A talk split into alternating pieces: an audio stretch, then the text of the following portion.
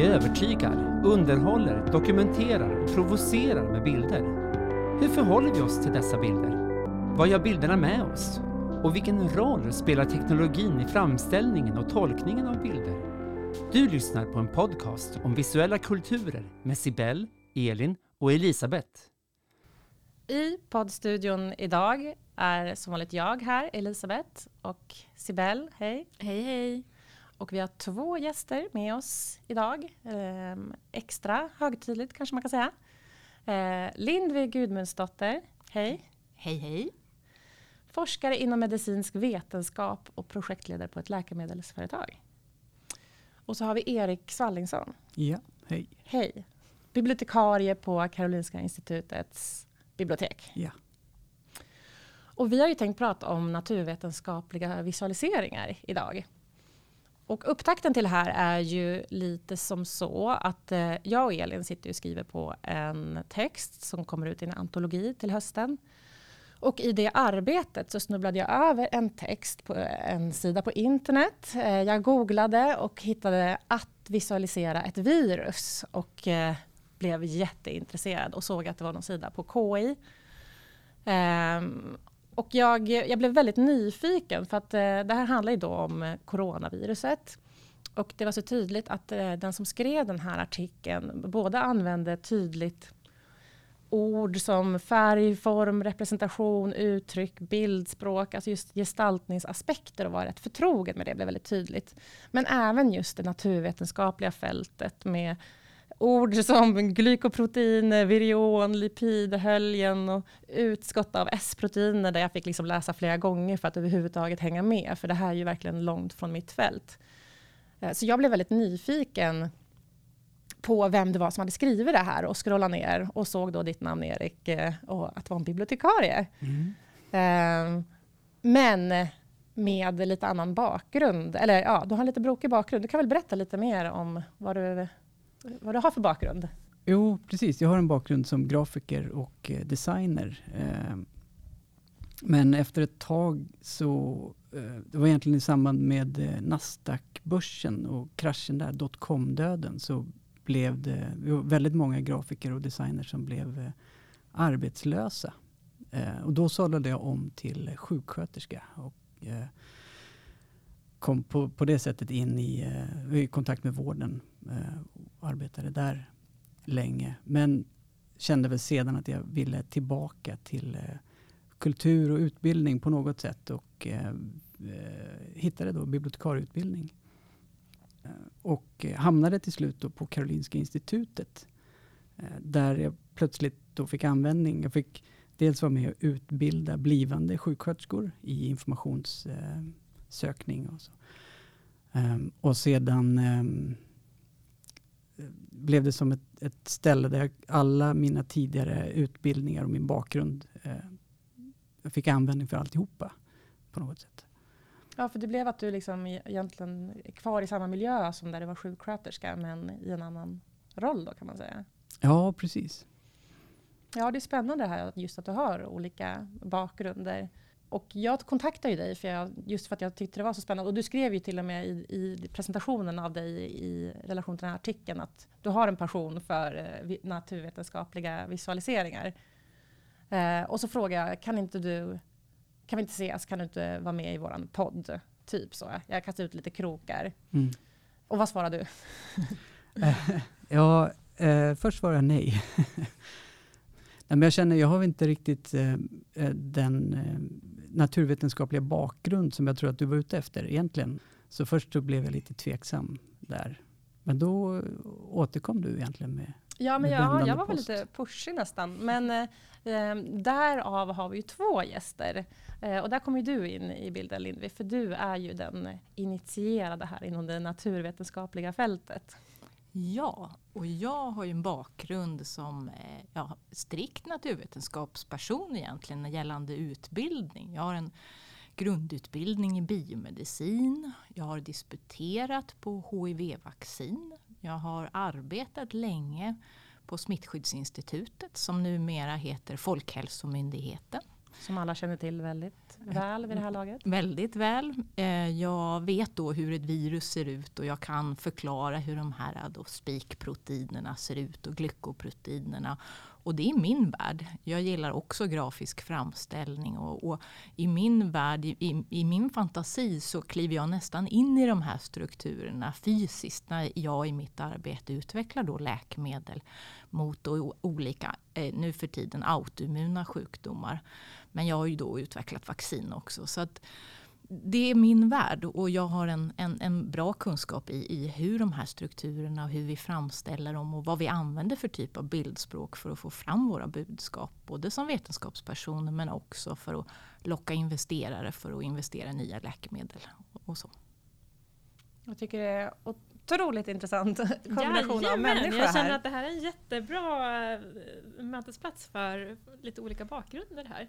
Jag tänker Sibel, du och jag, vi kanske får den här rollen idag där vi är de utomstående nästan. För det här är ju i alla fall långt från mitt fält. Jag gick naturvetenskapligt program på gymnasiet men det är inte så mycket att stoltsera Det med. gjorde precis. inte jag, så att jag kommer att ställa mycket frågor. Jag har liksom antecknat här eh, i eh, ja, lite utdrag från, från texten där på, för det är en blogg, eller hur, som din artikel var med Ja, precis. Vi har det som en liten, eh, ett utrymme på vår webb för, eh, där vi kan uttrycka oss lite mera eh, ja, kring de ämnen som vi tror är relevanta för våra studenter och forskare och doktorander på, på KI. Men jag tänker att vi, vi kan väl ta avstamp i den texten, för den har vi läst allihopa. Eh, och då kommer vi ju komma in på just aspekter kring naturvetenskapliga visualiseringar och eh, genom att vi kanske diskuterar just coronaviruset som, det, som du tog upp här. Mm. Och att vi sen kanske kan glida över lite mer på just eh, Lindvi, din yrkesroll och hur du jobbar med visualiseringar. För det är jätteintressant att höra liksom, hur det här funkar i, i praktiken för en yrkesperson. Ja.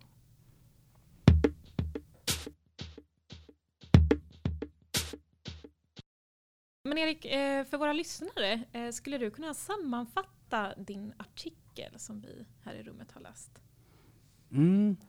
Det var, um, var för ett år sedan ungefär, ganska tidigt i, i början på den här eh, pandemin som vi fortfarande lever med. Um, där upplevde alltså en, en uppsjö av um, nya bilder och visualiseringar av virus och och framförallt av coronaviruset, men, men också andra virus som, som dök upp i liksom, artiklar som handlade om coronaviruset och bakterier och allt möjligt. Så det var en, väldigt, en salig blandning av visuellt material som jag tänkte att man kanske skulle reda lite i. Så jag blev nyfiken på att kika, kika på vad det egentligen är för visuellt material som, som presenteras.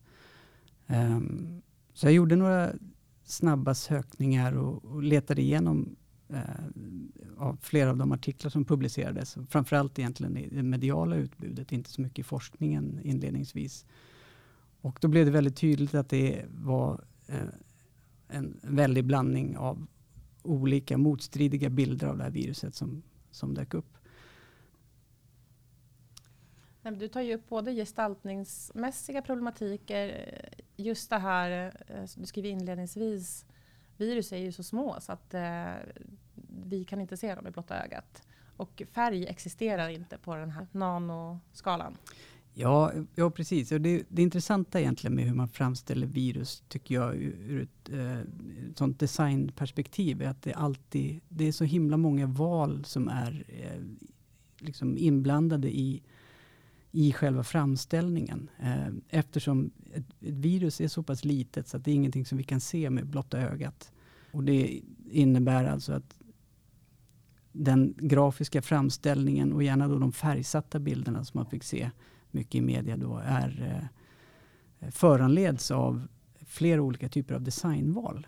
Och det är inte alltid tydligt tror jag för betraktaren att det, det faktiskt är så. Då finns det några sådana här framställningar som är mera eh, korrekta. Som, eh, ska man säga, de anger källor och det finns en tydlig referenskedja bakåt. De är kopplade till en vetenskaplig publikation på något sätt. Eller en, en färdig en, sån, en proteinstruktur som det heter som man hittar i, som man har sett med mikroskop. i din artikel här så eh, ser vi både en bild på, eh, det är i och för sig i färg, men eh, en färglagd mikrograf. Jo, jag vet inte ens vad mikrograf är. Det, det, där är också ett ord som jag reagerar på. Men jag antar att det är något man sätter i en, ett mikroskop. Lindvi? ja, ja. Och jag skulle vilja fylla i här. För att det Erik är inne på är att det just är upp till då den som förmedlar bilden att då skapa en bild som kan tas emot av mottagaren. För att jag är jättefascinerad just över bildframställning och jag kommer ihåg redan 2003 eh, vid den då första sars-pandemin så råkade vi jobba då i samma hus som Lennart Nilsson den berömda fotografen som har då gjort eh, fotoböcker som ett barn blir till till exempel. Och på den tiden var Lennart väldigt, väldigt intresserad av virus. Han var ju ändå där på KI och han hade tillgång till då främsta virusforskarna i Sverige i alla fall. Och han gjorde en film eh, lite senare tillsammans med Agaton Television som gjorde en filmatisering för UR som hette Virus är fienden. Så när sars-pandemin eh, var på den, under den perioden så fotograferade han sars när sars då eh, kom in i cellen och eh, då eh, infekterade cellen och sen ett par timmar kom ut. Han fotograferade via ett svepelektronmikroskop som förstorar 2500 gånger. Men de bilderna som kommer ut är ju svartvita. Så jag och mina kollegor stod då bakom ryggen på eh, Lennart när han tog de här bilderna. Och han är en sån människa som blev väldigt exalterad. Titta här, titta här, nu kommer viruserna ut. Och det jag såg som vetenskapsperson var en svartvit bild med eh, ja, lite olika strukturer. För har man fortfarande en cell närvarande så har man ju cellen där och cellskräp och, och, och virus som är då ytterst, ytterst små som små pluppar. Och Lennart visualiserade redan där och då i den här svartvita bilden. Eh, här kommer viruserna ut och ser ni hur de eh, krälar ut på utsidan av cellen. Och, och jag tänkte, hur vet du det Lennart? Hur vet du vilka strukturer som är vad? Och sen så färglade ju han då bilderna såklart. Och virusarna i det, det fallet blev gula och, och cell, de döda cellstrukturerna var rosa och blå och lite så här murriga färger. Och då blev det ju såklart. Då för hur såg den svartvit Alltså det blir ju svartvit för att färg inte finns på en sån Nej. mikroskopisk nivå. Ja. Och hur ser, kan du beskriva hur sån här svartvit, för den är väldigt svår att förstå då låter det som. Alltså det är ja. något slags gytter bara eller? Ja, så de bilderna så, som Erik har i sin eh, artikel eller i sin, sin bloggskrift eh, där, är, de är rena viruspartiklar. Så då ser man väldigt klart och tydligt de här runda bollarna med spikproteinerna. Men har du en mer då komplex eh, sammansättning av celler och virus är det jättesvårt att se. Man ser ju olika strukturer och man kanske ser runda saker och man ser lite avlånga saker. Men då där och då avgöra vad som är en cell ett cellskräp eller ett virus. Det kan faktiskt vara väldigt, väldigt svårt. Ur ett den svartvita... öga kan, ja. som Lennart Nilssons då. Ja, och, och vi då som forskare. Ja. Ja, men att visa en sån bild i en tidning eller i, i ett, eh, då, ett, i en filmatisering skulle inte ge så mycket. Men då så fort man lägger till på det här då elementet med färg för att visualisera att den gula, det gula viruset infekterar och sen så sprutar ut i mångmiljoner efter ett eh, x antal timmar. Det har en väldigt, väldigt stor effekt.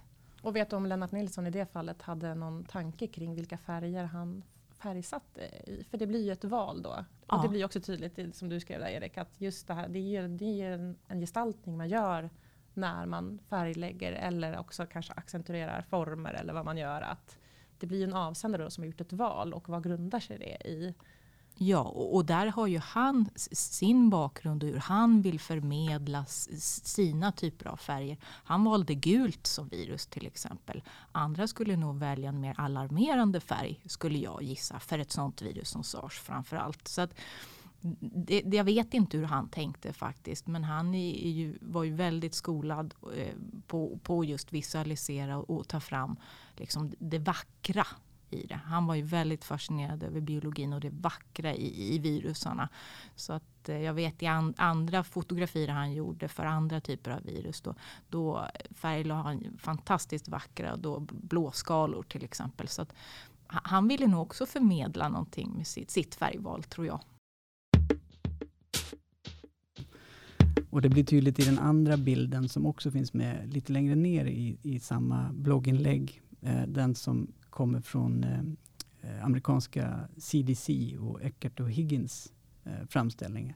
Som är en, en, en, en grå boll med röda taggar på. Där de röda taggarna är det här spike-proteinet som är väl den del som man kan tänka sig har eh, det är det som kopplar på cellen som, som viruset ska infektera.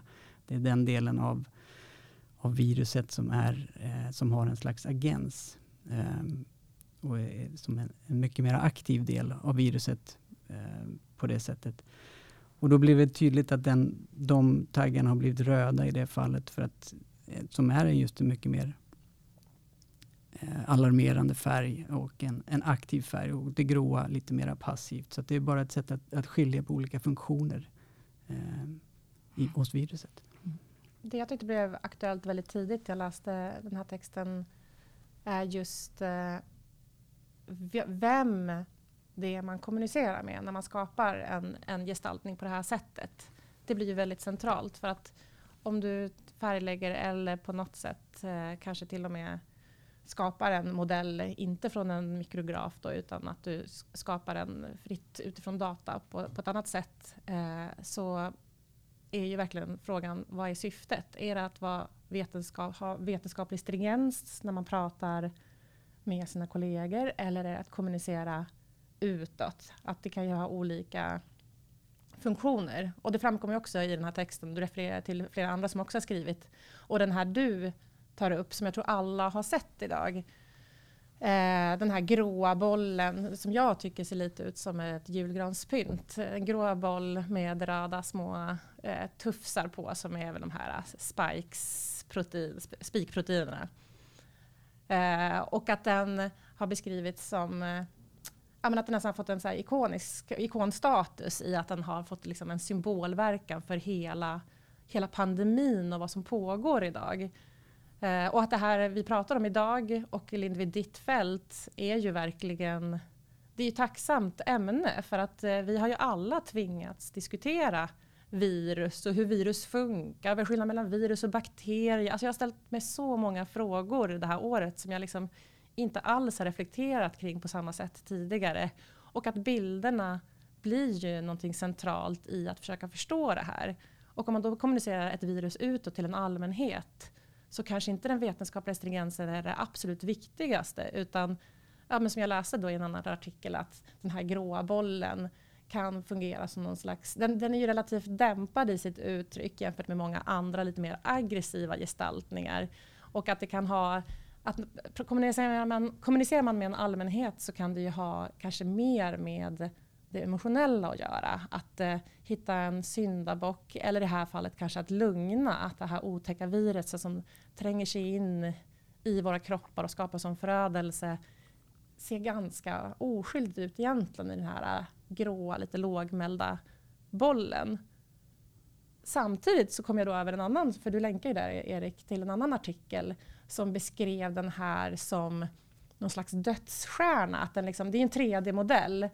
Eh, och CDC det är väl amerikanska smittskyddsinstitut, alltså motsvarande. Um, och att man har, ju, har man ett syfte så är alltså ingen bild är ju neutral. Och där beskrev, i den här artikeln så beskrev de det här som en dödsstjärna som svävar i någon slags tom ödslig rymd och att de här röda det är ju den aktiva som liksom på något sätt eh, eh tagg, något taggigt som kan kanske ligga och lura på trottoaren eller vid kaffeautomaten och attackera och ta sig in i det. Att det finns där, ja men röd är ju en signalfärg och att det är någonting aktivt som pågår där.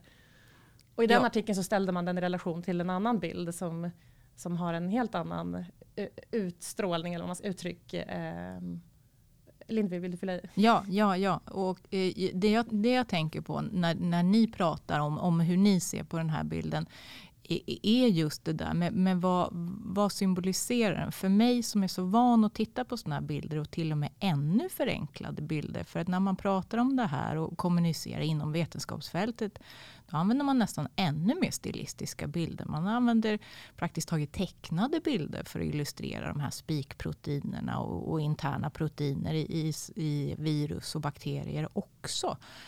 Men det man vill visualisera med den där bilden är ju just att det röda är det som krokar fast. Det är, det som, det är just spikproteinet som gör det möjligt för viruset att infektera dina celler. Och för att folk ska förstå olika varianter till och med av då det här coronaviruset som börjar uppstå så skulle jag nästan vilja att de börjar illustrera det där som är röda och gröna och gula sådana där utstrukturer för att folk ska förstå till exempel att jag kan va, få ett vaccin mot en variant med röda pluppar till exempel. Men jag kanske inte då kan, kan vara skyddad mot en med gröna pluppar. Alltså, nu Just kanske man inte mm. skulle använda grönt då, för då är det grönt ljus kör. Men, men, men ändå, att det från mitt perspektiv, det där är en väldigt reell och, och då väldigt nära det, det, det liksom, hur det ser ut i verkligheten. Och vad allmänheten behöver veta. För det är ju viktigt att varna en allmänhet från att inte mingla runt i tätt ihop. Mm. Eh, och, det, och, då behöver ju bilden faktiskt ha någon slags kanske skrämseleffekt också. Att akta dig, det där röda är farligt. Du kan dö, du kan äh, råka, sätta andra i, i, en, i en jobbig situation. Mm. Eh, så, att, eh, så att det blir ju både pedagogiskt för att förstå, men det har också just, ja, vad, vad är det kommunikativa syftet liksom? Ja, jag tänker att det kan finnas en, en stor poäng med att, att uh, hålla sig nära att, att, inte använda just en sån väldigt schematisk bild som man kanske ser i en, en lärobok eller någonting också av ett virus eller en cell. Utan att man, att man använder sig av en 3D-modell på det här sättet och lägger på lite skugga och, och, lite fina ljus som faller. Just för att människor också ska se att det här är någonting som är eh, verkligt, som, som faktiskt finns. Um, och det kan kanske vara svårare att relatera till just en, en teckning eller en, eh, en lite mer cartoon-tecknad framställning av, av det här viruset.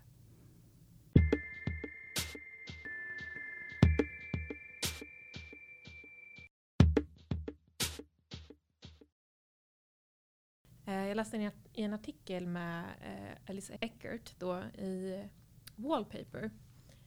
Och hon är då alltså en av de här två som har gjort den här illustrationen, kanske vi kan kalla det för. Den 3D-modellen, den gråa syftar du på? Ja, mm. precis. Mm. Den här som är väldigt spridd då. Och där liksom blir det så tydligt att det är som ett ganska klassiskt ja, men illustrationsuppdrag. Liksom, att CDC då vill skapa en identitet för viruset. Och bara det säger ju en del, tycker jag. De, säger liksom, de beskriver det som, man kan tänka på det som ett mugshot. Någonting som representerar vem fienden är.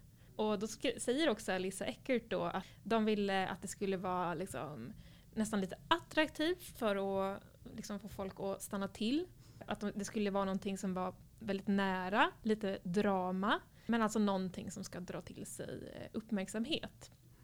Ja, men som i ljuset som du nämnde Erik till exempel, att eh, man använder dramatiskt ljus för att liksom skapa en viss känsla.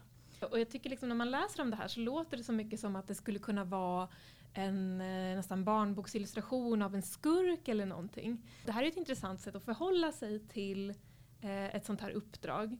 För du ger ju också exempel på andra illustratörer, eller en 3D-grafiker då, Monica Sopé, som tänker helt annorlunda. Kan du berätta lite vad skillnaden är där? Ja, Monica, hon, det är precis, hon um, en mikrobiolog som eller molekylärbiolog, förlåt, som har ett, en helt annan inställning till färg. Hon menar att man inte ska framställa eh, virus eller makromolekyler makromolekyler protein med färg för att det finns inte. På, det går inte att uppfatta. Det är ju liksom under den här våglängden för synligt ljus och färger finns inte där. Så hon menar snarare att eh, om man vill separera olika funktioner hos, en, hos ett protein till exempel.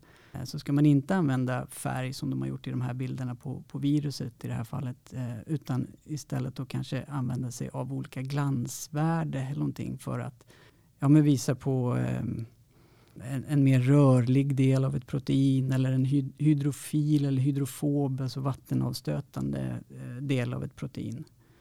Jag kan fylla i där. Jag, jag tycker att det, det är ett, om jag skulle uttrycka det, ädelt sätt att förhålla sig till då realiteten i bilden. Att nej, det finns inga färger på den nivån. Nej.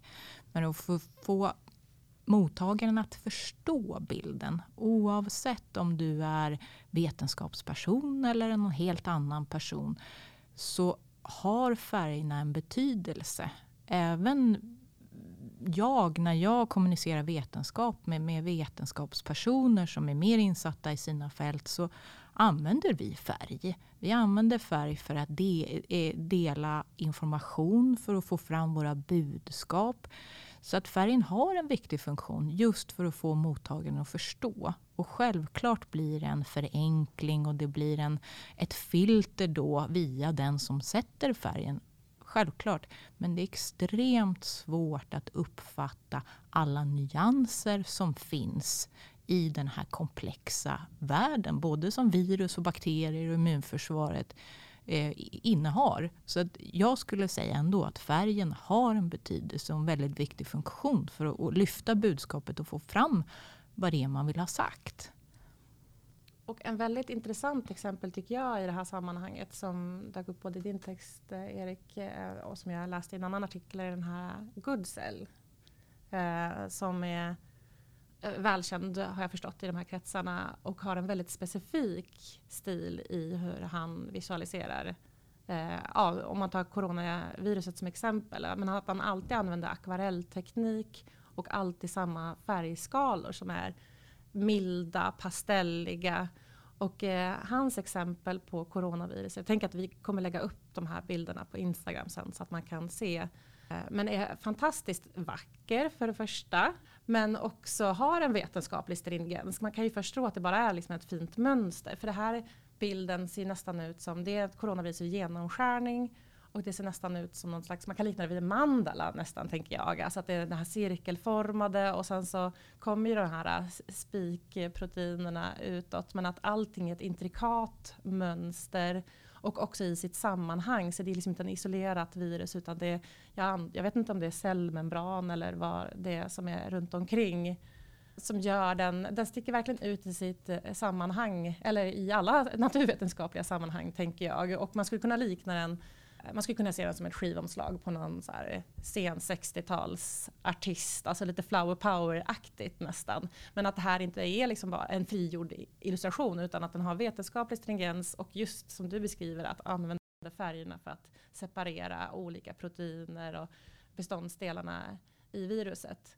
Och i den här artikeln jag kom över så Eh, ställer de den här i relation till den här eh, CDCs eh, den här dödsstjärnan, den gråa 3D-visualiseringen och menar att den här Goodsels då akvarell är mer neutral än den här spridda då gråa julgransbollen. I och med att den, den gråa har ju de här röda aggressiva och spelar på våran rädsla och att det finns någonting vi måste akta oss för Eh, och att det där finns liksom en icke-neutralitet i att man vill påverka mottagaren. Medan den här på något sätt bara metodiskt har separerat alla beståndsdelar och lägger upp den på det sättet. Och det som jag tyckte var kul i den här artikeln var också hur de refererar till Immanuel Kants eh, estetikbegrepp från 1700-talet. Och det tycker jag är så fantastiskt att det får komma in här. Vad estetik är. Eh, och han menar ju att det är det här komplementativa begrundandet som ska stå liksom utanför människans önskningar och partiskhet eller intressen. Det ska vara det intresselösa. Det sköna ska vara någonting som är separerat från mänskliga behov. Och att han då refererar med den här Goodsells akvarell att det här har det. Det är det sköna och det vackra och det står utanför människan. Det är ett virus och det är i sin naturliga miljö och det bara är. Det är inte ett hot, det har ingen heller intresse eller någon agenda utan det är i den sortens skepnad det är och den gör det den gör i sin miljö. Men att det inte ligger någon värdering i det. Och jag tycker det är jättehäftigt eh, att lägga upp det på det sättet. Att den här välkända gråa coronamodellen som vi känner till, eh, den är inte neutral medan den här akvarellen är mer neutral.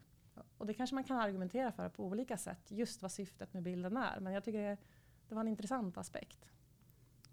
Ja, det tycker jag också. Och jag tror att man måste eh, ta i, i beaktning vad man använder de olika bilderna till. Jag eh, tror att CDC tog fram sin modell med dödsstjärnan då för att kunna använda det just i material i syfte att nu ska vi stanna upp här, vi ska hålla avstånd, vi ska ta det här på ytterst största allvar. För det har blivit en väldigt allvarlig pandemi. Och Men där... kanske inte hetsa upp allmänheten allt för mycket heller. Därav det lågmälda kanske man kan tänka sig. Ja. Att de har lyckats göra en avvägning där. Ja, ja. och, och jag, jag, tror det. Och man måste då som be, alltså betraktare av alla bilder man, man konsumerar så måste man tänka ett varv till, tror jag. Det är svårt som mottagare av alla de bilderna som fladdrar förbi varje dag. Men om man då får en reaktion, en emotionell reaktion gentemot en bild så kan man tänka så här, vad är syftet med det här? Jo, syftet med olika bilder är ju just då att skapa intresse eller skrämmas lite eller tona ner. Så att där tror jag att man, man får tänka ett, en gång till helt enkelt. Jag i mitt fall då när jag arbetar försöker ju då utveckla nya typer av läkemedel och det är klart att jag använder läskiga bilder om jag vill skapa någon typ av eh, intresse för en ny sjukdom. Det är klart att jag väljer sådana typer av bilder som då provocerar lite extra för att skapa det här den dragningskraften för hur ska vi kunna hjälpa de här individerna till exempel. Så att det det är klart att man använder bilder på olika sätt även om man är en vetenskapsperson. Men jag tänker, är man lite mer eh, ovan vid att läsa bilder eller liksom fundera kring, kring syften och sådär som du är inne på. Um, så tänker jag att just med det här coronaviruset så finns det ju Ja, men frågan dyker upp, liksom, hur viktigt är det att vara, vara ärlig i sin framställning? För det här är ju en kombination, liksom, det är baserat på någonting eh, som syns i ett, eh, i ett mikroskop. Ehm, men det är också en, en tolkning, så det kanske kan vara lite svårt att så här, ja men det är ganska verkligt, men det är också en del konstnärliga val. Och då tänker jag på din avhandling. För där så känns det väldigt mycket som att du är väldigt ärlig med att du vill eh, i den bilden där på framsidan. Den är liksom till för att eh, ja, men illustrera kanske en känsla av kanske ett hot eller så. Jag vill höra lite hur du tänkte kring ditt val där av av den här Vi får, vi får beskriva framsidan tänker jag här. Ja, ja jag, jag eh, skrev min avhandling eh, på HIV. HIV är ju också ett virus som egentligen till, till ytan liknar coronaviruset rätt mycket. Det är ett runt virus, eh, väldigt litet. Eh, också har sådana här ytproteiner som sticker ut på ytan som ser ut som spikar. Och jag gjorde ju då min avhandling på HIV-vaccin och då försöker man då locka fram ett immunsvar, då, både antikroppar och T-celler som ska skydda människor från att få då HIV-infektion. Och då illustrationen på framsidan på min avhandling är virus som ser ut som demoner. Det gröna eh, eldsflammor som fladdrar ut i bakkant och de har stora huggtänder och de är på väg i full fart mot då, eh, någonting som ska illustrera att T-celler, alltså våra lymfocyter som ska skydda oss mot då, virusinfektioner. T-cellerna såklart. Ah, som står som, man plötsligt vet vad det är så här, efter det här året. Som, som står som stora starka eh, försvars... Eh, Muskliga kött köttklumpar nästan. Alltså ja. de är så här rosa. Ja, muskliga köttklumpar. Och, och det är en vän till mig, Joel Sundberg, en jätteduktig illustratör som, som har ritat framsidan då på min avhandling. Och man kan ju säga att det är, det är liksom lite fantasyestetik skulle jag kalla det. Alltså, det skulle nästan kunna vara en, en fantasybok eller lite Harry Potter. Ja, ja, um, som är Ja, men, eller lite så Hellboy tycker jag också. Ja, ja och, och, Joel i vanliga fall, i alla fall på den tiden, illustrerade mycket då för ja, men, dataspel och tv-spel och, och, just för film. Så, att, så att det, det, är ju hans estetik och, och han ritade bilden ur vad jag berättade. Han eh, fick egentligen inget då bildmaterial av mig utan vi satt och pratade om då virus och, och immunförsvaret. Och han har ingen bakgrund överhuvudtaget inom naturvetenskapen. eh, alls. Så, så att, eh, det var så jag tänkte att jag skulle vilja ha en cool framsida. Det, det, är en cool bild tycker jag. Eh, och, och, vi pratade faktiskt om hur han skulle illustrera och det var utifrån mina ord han kom fram till den bilden. Och där vill jag just ha den här tveeggade bilden som, som visar då demonerna egentligen i, i virusarna. För att HIV har ju förstört väldigt, väldigt många människors liv världen över och, och jag brinner fortfarande för den typen av problematik. Eh, och att man då kan locka fram det goda, den där goda kraften, de där köttklumpande soldaterna som faktiskt kan stå där. Som de, de ser väldigt betryggande ut. Man ja. vill gärna ha dem på sin sida för att de är väldigt muskliga och ja. morska. Och det som blir så tydligt i den illustrationen tänker jag är att eh, eller, eller som, som, som, den berättar, illustrationen, är att det är någon slags eh, slagfält. Alltså det är ett krig mm. mellan två lag. Mm. Ja, och, och, det är så det ser ut i människokroppen om man ska vara lite lekfull helt enkelt. Du får en virusinfektion. Det, det kommer då olika typer av försvarslinjer i form av celler och andra typer av strukturer. Eh, och det var ju i alla fall en tv-serie när jag var liten, en sällsam historia som illustrerar det på ett väldigt, väldigt fint sätt. Och jag tittar fortfarande på den med mina barn nu och tycker det är fortfarande lika roligt just de här det är ju en tecknad serie, men ändå att de basala funktionerna kan illustreras på ett sånt enkelt sätt. Det är ju jättelångt från verkligheten och hur det ser ut i verkligheten. Men det får ändå fram det där budskapet. För där blir det ju återigen, vad är det man vill kommunicera? Det blir jättetydligt som sagt i din bild att det, att det är någon slags kamp som pågår mellan olika lag. Mm. Eh, och det finns ju en jättestark pedagogik i liksom den bilden, att det, det framgår med högsta tydlighet. Så att även om det ser ut som en barnboksillustration eller ungdomsbok så, så har den ju någon slags vetenskaplig grund. Eh, och det blir så tydligt tycker jag att, eh, att man kan visa saker på olika sätt. För man, man hajar ju lite till när man håller i den här boken och tänker just på ditt fält och så får man se att det blir, det blir en väldigt häftig krock. Eh, som också visar, eh, även den som inte har funderat över blir ju tvingad till att fundera över, jaha men vänta nu, vad är det för slags visualiseringar som används inom det här fältet eller inte används inom det här fältet? Ja, och, och, jag tror just att man kan förmedla budskap med olika typer av bilder. Och, och, som jag sa tidigare är ju vi vetenskapspersoner vana vid väldigt, väldigt enkla bilder. Våra bilder är ju snarare ännu mer enkla än då den här CDC-bilden. Och, och, och, vi har accepterat det. Vi har accepterat en typ av förenklad verklighet bara för att man ska kunna då kommunicera de här otroligt komplexa sakerna.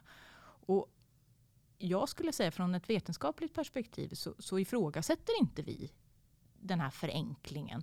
Utan man vet att det finns en mycket mer komplex miljö bakom. Men det, det är en stor acceptans för den, de typen av illustrationer inom det vetenskapliga fältet.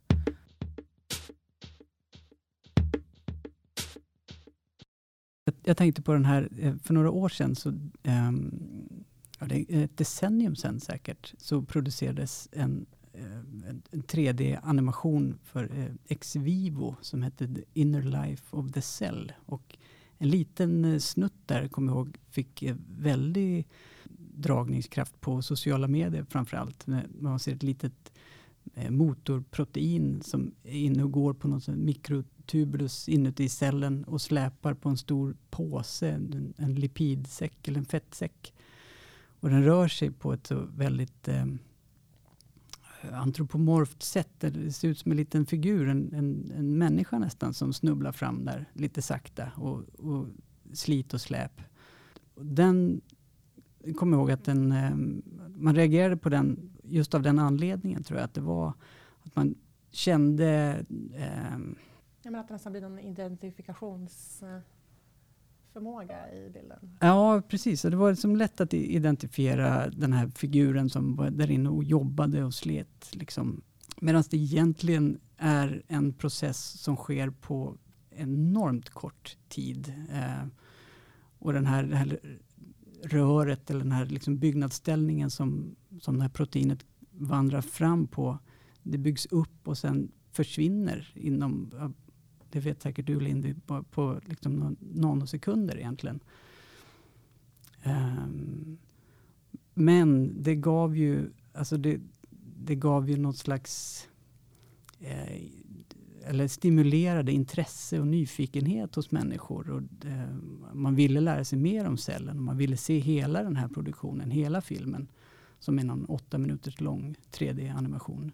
Otroligt vacker eh, på många sätt och väldigt lärorik. Men att det finns den typen av kommunikation som mera, kan, har säkert inte särskilt stort värde eh, forskare emellan, men som en outreach och just till allmänheten. Och, eh, så finns det en stor eh, pedagogisk eh, funktion.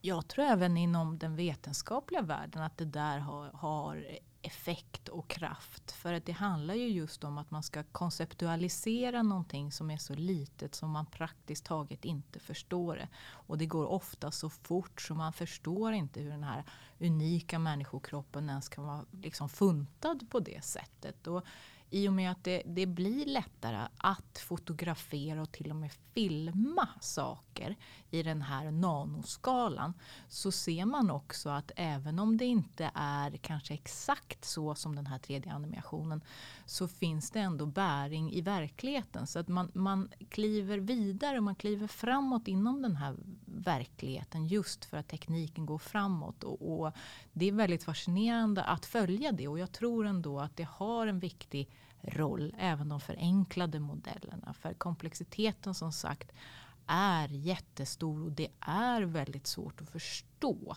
mycket. Även som väldigt initierad skulle jag säga. Eh, du har kommit in på det eh, eh, upprepade gånger nu redan, men kan inte du beskriva lite eh, mer ingående hur, hur du jobbar med visualiseringar på ditt jobb till vardags till exempel? Ja, jag utvecklar ju eh, läkemedel. Läkemedel som antingen kan binda till eller blockera saker i människokroppen utanför cellen. Eh, så att eh, jag använder min tid och mina dagar nästan genom att genomleva antingen eh, illustrationer via powerpoint-presentationer eller olika typer av visuella medier faktiskt. Jag är ansvarig för nya produktvisioner på det företaget jag arbetar på. Så mitt jobb ut, görs mycket av att jag ska illustrera olika typer av sjukdomar. Både då utan på kroppen om det är någonting visuellt, till exempel eksem eller psoriasis. Där använder jag ju bilder på då hur en människa kan se ut när den är drabbad av en viss typ av sjukdom. Och sen går man ner på molekylnivå faktiskt. Vad är det för typ av mediatorer som orsakar psoriasis eller någon annan typ av sjukdom? Och då illustrera både med riktiga bilder, då fotografier faktiskt, antingen då mm, utanpå kroppen och även i människokroppen. Men jag jobbar jättemycket med såna stilistiska bilder eller tecknade bilder helt enkelt. För inom vetenskapen, jag kommunicerar ju vetenskap både till folk som är vetenskapspersoner, som mina kollegor eller externa forskare som vi har samarbeten med, eller till folk som ska investera i eh, framtagning av läkemedel. För att ta fram nya läkemedel är ju väldigt, väldigt dyrt. Eh, och då de här förenklade bilderna som är, är då tecknade helt enkelt. Där har vi inom... Ja, om jag får fråga, hur tecknar du dem? Alltså vad använder du för teknik? Inom vetenskapsvärlden så har man kommit fram till ett gemensamt bildspråk skulle jag säga. Så det finns olika mjukvaruprogramvaror där då cellstrukturer eller celler faktiskt finns uppritade redan från början. Ett sådant exempel är BioRender till exempel. Och då ser en, en, en immunförsvarscell ut på ett visst sätt. Så jag vet om jag ser e, e, en blå rund ring med en blå eh, plupp i mitten, då vet jag att det är en T-cell. Men använder alla inom ditt fält samma mjukvara då? Alltså jag tänker liksom internationellt eller så. Eller finns det olika läror med olika för jag tänker det här är ett företag som tagit fram då. Ja. Har de dominerat eller finns det fler då som har, jobbar det, med olika estetiker? Det, det, är väldigt likriktat skulle jag säga. Det är klart att det finns olika mjukvaror men den här typen av, av formspråk har säkert kommit gissar jag från någon av de stora tidskrifterna. Nu vet inte jag om det är The Cell eller Science eller Nature. Men de liknar väldigt mycket de typerna av illustrationer som de här jättestora tid, vetenskapliga tidskrifterna använt i alla år. Och då kanske man gärna vill använda dem för att då vet vet man också att man blir förstådd av de som bör förstå. Alltså lite så. Precis, så är det. Lite klipp och klistra nästan. Ja, definitivt Mm. klipp och klistra. Så man bygger bilder utifrån vilket typ av budskap man vill ha fram. Så vill du blockera någon ytstruktur som sitter på en cell till exempel i likhet med spikproteinet på eh, coronaviruset. Då har du en sån ytstruktur oftast i de här biblioteken. Eller så får du rita en själv ungefär utifrån samma då färgskala och form, formskala som det redan finns då. Så mycket sånt håller jag på med. Finns det någon konstnärlig frihet i det när du skapar? Att du så här, nej här ska jag ta i lite eller jag tar den här färgen eller jag förstärker det här. Det finns ju en, vetensk- eller en, en illustrativ eh, eh, frihet där. Men man vill ju också vara korrekt såklart. Så att det är klart att man har de där andra mediatorerna i bakgrunden för att man ska framstå som att man, man är initierad och man förstår att det är en komplex bild. Men självklart så använder man olika typer av storlek, form, färg för att lyfta det som man tycker då att man vill ha fram.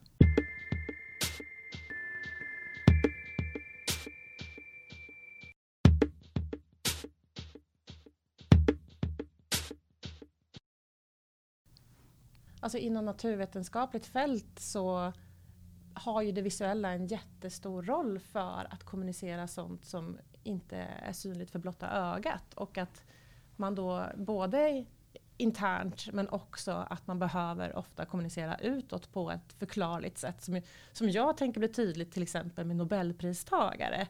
När man plötsligt alla ska få veta vem har fått pris och för vad. Där blir det ju jättetydligt att oj nu måste vi göra det här på ett sätt så att även liksom den, den minst begåvade hänger med här. Eh, och, och det är väl ett slags abstract som man brukar få ta del av, är det inte det? Eller är jag helt fel ute? Jo, precis. Så ett abstract är ju då en kort sammanfattning av då eh, en vetenskaplig upptäckt. Och det har blivit mycket, mycket vanligare idag att man gör korta grafiska sammanfattningar av till exempel vetenskapliga artiklar eller då som du säger en upptäckt som då leder till Nobel priset. Och, och jag när jag disputerade eller när jag utbildade mig så fanns det väldigt, väldigt lite grafiska abstracts. Det är ju då 10-15 år sedan nu.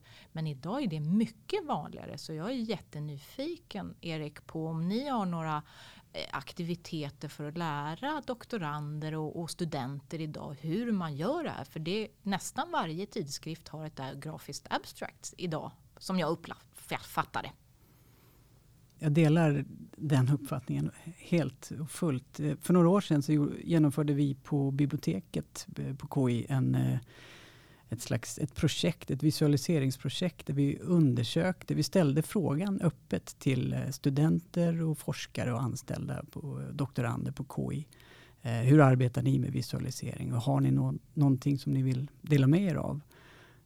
Och vi fick ett, ett väldigt fint eh, gensvar faktiskt. Det var eh, väldigt många som hörde av sig, skickade in var all, alla möjliga typer av illustrationer. Men väldigt stort fokus var det också när vi sen pratade lite mer med dem på just grafiska abstracts. Så att de kraven som ställs på den publicerande forskaren idag är betydligt högre när det gäller eh, det visuella materialet. Och att det även nu på senare tid har blivit mera att det ställs mera krav också på en viss interaktivitet kanske till och med i, i de här eh, visuella framställningarna. När man tittar runt lite, alltså vi har, det, på KI så vet jag att det, det ges kurser i hur man eh, producerar sin poster till exempel. Och där finns det ett visst fokus på, på layout och hur man ska egentligen hur man ska ställa upp den här eh, resultatpresentationen på ett tydligt sätt. Men den själva grafiska framställningen finns det inte jättemycket kring eh, när det gäller utbildning och, och, stöd. Och det är någonting som vi just nu håller på att försöka bygga upp på biblioteket på vår webbsida där. Vi eh, håller på att ta fram material och underlag för att ha en, en, lite mer omfattande resurs när det gäller just visualisering och grafisk framställning. Man tänker liksom att eh, biblioteket, vi har ju, vi är en stödfunktion egentligen till, till universitetet, till både de anställda och till, till eh, studenterna. Där vi har material, ofta då som handlar om informationssökning, hur man väljer eh, rätt artiklar, hur man hittar rätt artiklar, och, men sen också den mera hur man sammanställer och presenterar eh, sina forskningsresultat. Eh, och hur man hanterar referenser och, och sådant. Och, men Men vi har inte så mycket när det gäller det, det visuella eller bildliga materialet. Och det är det vi håller då på att eh, bygga upp. Då. Och det ska vara, tänker vi, en mycket mer generell eh, resurs. Om man tänker sig, det, det är ganska stor skillnad på vad en grundstudent eh, på kanske tandhygienistprogrammet pysslar med och jämfört med någon som sitter djupt inne i ett av laboratorierna i Novumhuset i, ute i Flemingsberg. Framförallt när det gäller eh, deras behov av, av eh, stöd kring visualisering. Jag vet, det finns väldigt många forskare som bygger sina egna visuella verktyg till exempel. Och då är det verktyg som kanske inte har ett syfte att producera bildmaterial som ska kommuniceras utan som ska hjälpa dem att ta rätt beslut för nästa steg i forskningsprocessen. Medan studenterna kanske mycket mer behöver eh, stöd. Och även doktorander och folk som ska presentera sin forskning. De behöver kanske mera stöd i hur man visuellt ska framställa någonting på, som, så att det blir så kommunikativt eh, som möjligt och, och, lätt att förstå. Dels för människor inom domän, domänen men även utanför. Det är många som kanske söker, som, som du var inne på, på det här med forskningsanslag till exempel Prata med folk som inte har någon aning om vad det, liksom, det rent naturvetenskapliga vad det egentligen handlar om. Utan behöver få en, en mycket mer lättsmält bild av det. Och sen så är det utöver att det är så på, på så olika nivåer på KI så finns det ju också liksom jag tänker skalan är ju så himla vid. Det är allt från det här som vi har pratat väldigt mycket om nu. Det här på nanoskalan, pytte, pyttesmå grejer. Men sen så är det hela vägen upp till alltså populationer, epidemiologiska studier. Och de ställer ju väldigt olika krav på att det finns olika typer av bildspråk som man behöver använda där. Den resursen som vi eh, håller på att ta fram nu ska på något sätt tilltala alla inom alla de här olika domänerna. Eh, vilket är väldigt utmanande och fantastiskt roligt och otroligt eh, lärorikt. Ska jag säga. Men vad ni försöker göra nu är att ta fram någon slags standard om jag förstår rätt. En, någon slags standardisering i hur man kan tänka kring visualiseringar. Precis, lite så. Inte, inte, stand, inte att vi försöker sätta någon standard, eller så, utan snarare att vi försöker bereda en yta, skapa något, något typ av underlag så att man kan börja diskutera eller tänka på eh, visuell framställning. För det finns, som vi har varit inne på tidigare, väldigt många val man behöver göra hela tiden. Det finns till exempel delar om, om mänsklig perception som man kanske behöver vara lite med, mera medveten om. Eh, varför uppfattar vi saker på ett visst sätt? Vad, pluppar som ligger väldigt nära varandra, ett diagram till exempel, eh, tenderar vi liksom att, att, associera tydligare till varandra än, än pluppar som ligger långt ifrån varandra. Har de, är dessutom pluppar med samma form eller i ett, i ett diagram är någonting som vi kanske tänker att de har samma egenskaper än pluppar som av en annan form. Så det är lite sådana grafiska principer. Eh. Alltså mer väcka gestaltningsmässiga frågor kanske, alltså öppna upp den här diskussionen. Är det lite mer så? Ja, ja lite så. Alltså, um, För jag tänker, det är alltså lite som just Lindvi när du studerade. Alltså jag tycker det är så intressant att, att lyssna för att eh, mina fördomar är ju att de som jobbar inom naturvetenskapliga fältet kanske inte är liksom esteter. För då väljer man att gå till ett annat fält. Och därför är det så otroligt spännande när man väl sätter sig in i det här förstår att visualiseringar är ju såklart jättecentralt och där kommer ju gestaltningsmässiga problematiker automatiskt. Och då blir det, jätte, då blir det ju en följdfråga. Att, ja, men, hur, hur aktualiseras det här inom utbildningen? Är det någonting som är högaktuellt genom hela alla områden eftersom det ändå är centralt? Eller är det någonting som kommer automatiskt men är lite osynligt och som inte riktigt, alltså som alla liksom rattar in i vänsterhanden för att man måste men egentligen inte riktigt håller en, en aktiv diskussion kring. Och det förstår jag lite på Erik också, liksom, att det kanske är mer, att det är just det som ska, ska väckas här. Den, den gestaltningsmässiga problematiseringar eh, kring estetik som det faktiskt blir. Jag, jag, tror att du har helt rätt faktiskt. För jag tror att de, de människorna som är intresserade och drivna just inom estetik är väldigt sällsynta inom vetenskapsvärlden. Och jag är ju dragen åt det hållet men jag känner mig rätt ensam eh, i det. Och bara höra Erik prata om att det öppnas upp de här typen av frågeställningar och att man satsar på det här gör mig otroligt glad. För det hjälper ju också vetenskapspersoner att få fram sitt budskap på ett ännu bättre sätt. Så jag välkomnar det här. För det är som du säger Elisabeth, det här är någonting man har fått ratta med vänsterhanden. Och jag gjorde en väldigt ovetenskaplig eh, studie här innan podden och, frågade mina gamla kollegor som har då doktorander som då publicerar väldigt mycket och, och kollegorna publicerar också just med det här med grafiska abstracts. Hur gör ni? Har ni utbildningar? Tänker ni på det här? Och då svarade många av dem att nej, det är ofta så att någon i gruppen eller på avdelningen är då mera grafiskt inriktad och, och får då hjälpa till eller internutbilda och så, så blir det så. Men det är ingenting man sätter fokus på. Det är inte någon typ av frågeställning man lyfter fram. Och på min arbetsplats är det verkligen ingenting man diskuterar överhuvudtaget. Så att jag blir väldigt, väldigt glad av att höra det här och att det, det, det, det kommer upp till ytan helt enkelt. Ja, vad roligt. Det är precis så vi eh, upplevde det också när vi eh, ställde frågan till, till eh, forskare och studenter på, på KI. Att det var just, oftast var det en, en individ i en forskargrupp som hade, tog ett, ett mycket större ansvar. Inte sällan så handlar det ganska, alltså om, om ren eh, programmering. Då. Alltså att man utgår från ett, ett befintligt eh, bibliotek, D3 eller något sånt där JavaScript-bibliotek där det finns liksom färdiga eh, där många av de estetiska valen egentligen redan är gjorda. Eh, men att man då ja, använder sig av det för att bygga upp de här eh, visualiseringarna helt enkelt. Det här tycker jag är intressant när man tittar på din artikel så har ju du gjort ett utsnitt av googlingen på coronaviruset till exempel. Och det som slog i alla fall mig var att det finns en likriktning i utseendet.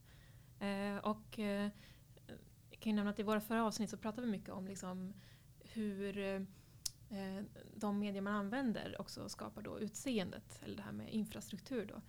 Eh, och det låter ju lite så på att det här med ja, men man kan använda en viss struktur men den strukturen kanske är ganska lik sådär om det finns ett defaultläge.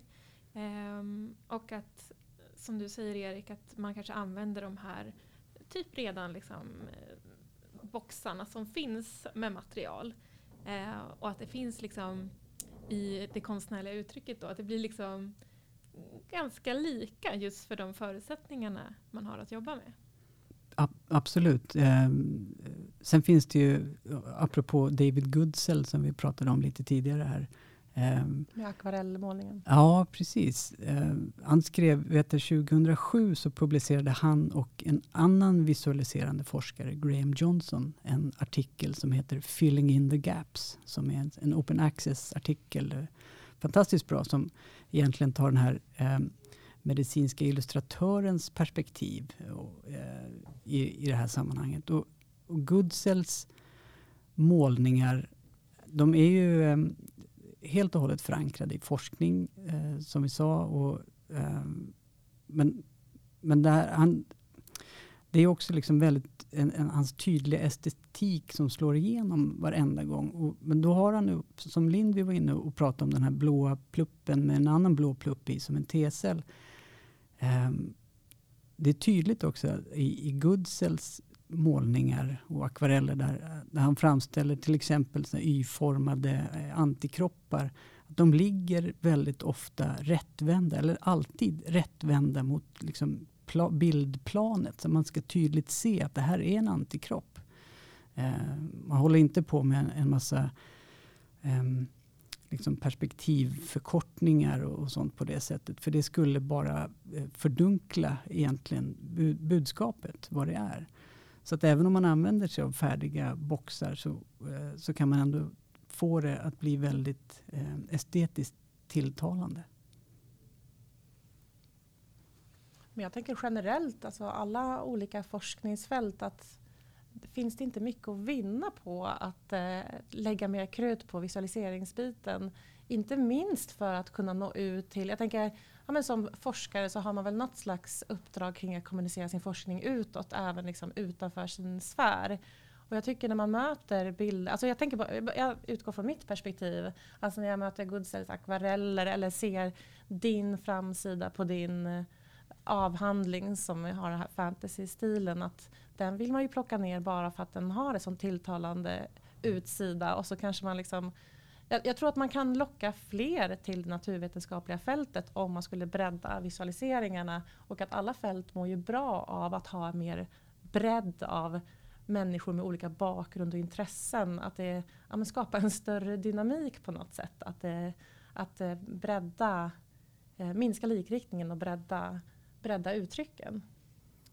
Jag tror att du har helt rätt där Elisabeth. Men jag tror folk också är rädda för just den här balansgången mellan att vara korrekt och för, förvanska då verkligheten. För att jag tycker att jag stöter på i olika sammanhang, egentligen inte bara inom medicinsk vetenskap, folk som då förmedlar olika typer av, av kunskap och som då egentligen ber om ursäkt för sin förenklade bild av verkligheten då genom olika illustrationer. Jag var på ett jättebra föredrag om norrsken till exempel när jag var uppe i Abisko. Och då står den här norrskensspanaren och, och, och drar en jättefin då bildillustration om norrsken och drar upp jättemycket fina vetenskapsrön. Men ändå ber om ursäkt för att han inte är en vetenskapsperson. Och jag tror att det, det har någonting med det att göra. Man är rädd för att förvanska då det här gemensamma bildspråket. Att man då tar ut svängarna och kanske då inte rättar sig i ledet om jag får uttrycka mig så. Att det finns någon typ av, av man går mot normen. Är normen ja. det? Och det finns en rädsla att gå mot normen. och då, Hur kan jag komma och, och då tolka verkligheten på mitt sätt och sätta då ja, men mitt signum på en typ av illustration. Jag tror att det finns en rädsla där.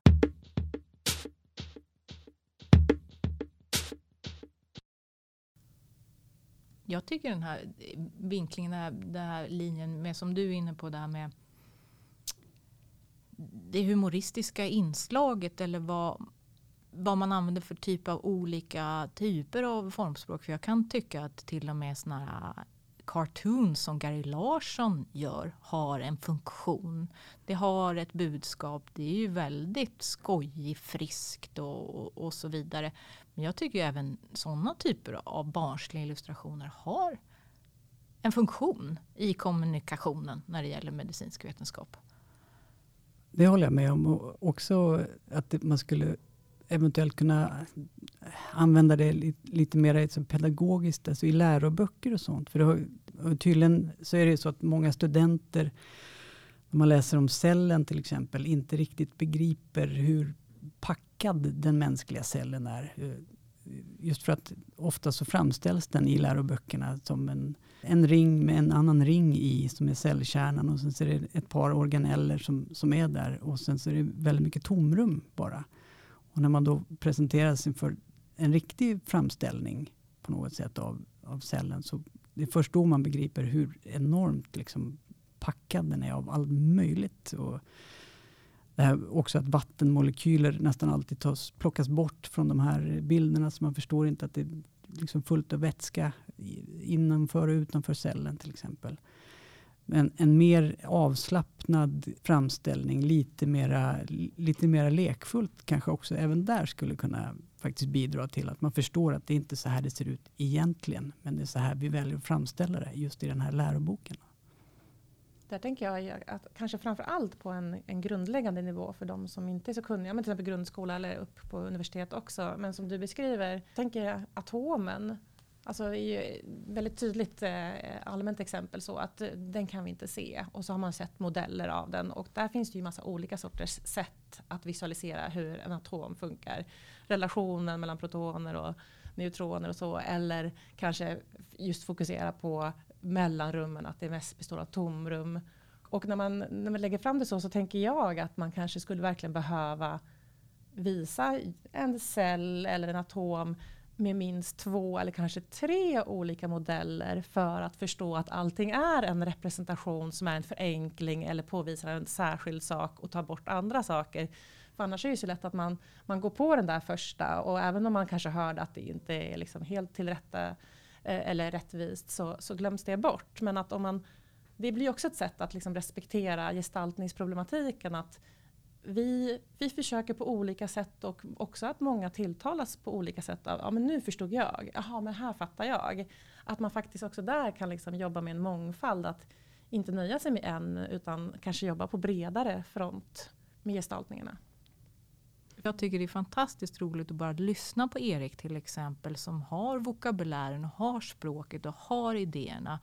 Och det är det här samspelet, det är mellanrummet som det händer, som jag brukar säga.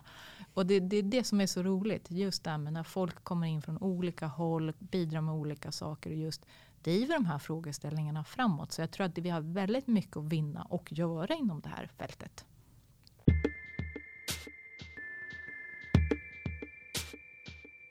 Tack till våra gäster idag. Tack så hemskt mycket för att ni kom, Lindvi och Erik.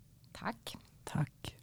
Och eh, som utlovat så kommer vi lägga upp länkar till eh, men både Eriks artikel så att ni kan få läsa den själva också och eh, även till Lindvis avhandling så ni kan få se den här fantastiska illustrationen själva också. Och givetvis även de bilder på virus som vi har pratat om idag.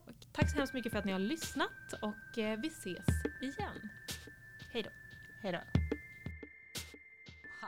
Jag kände bara så här, det är väldigt härligt att vi är igång så himla mycket. Måste du springa hem till Wilhelm och eh, nog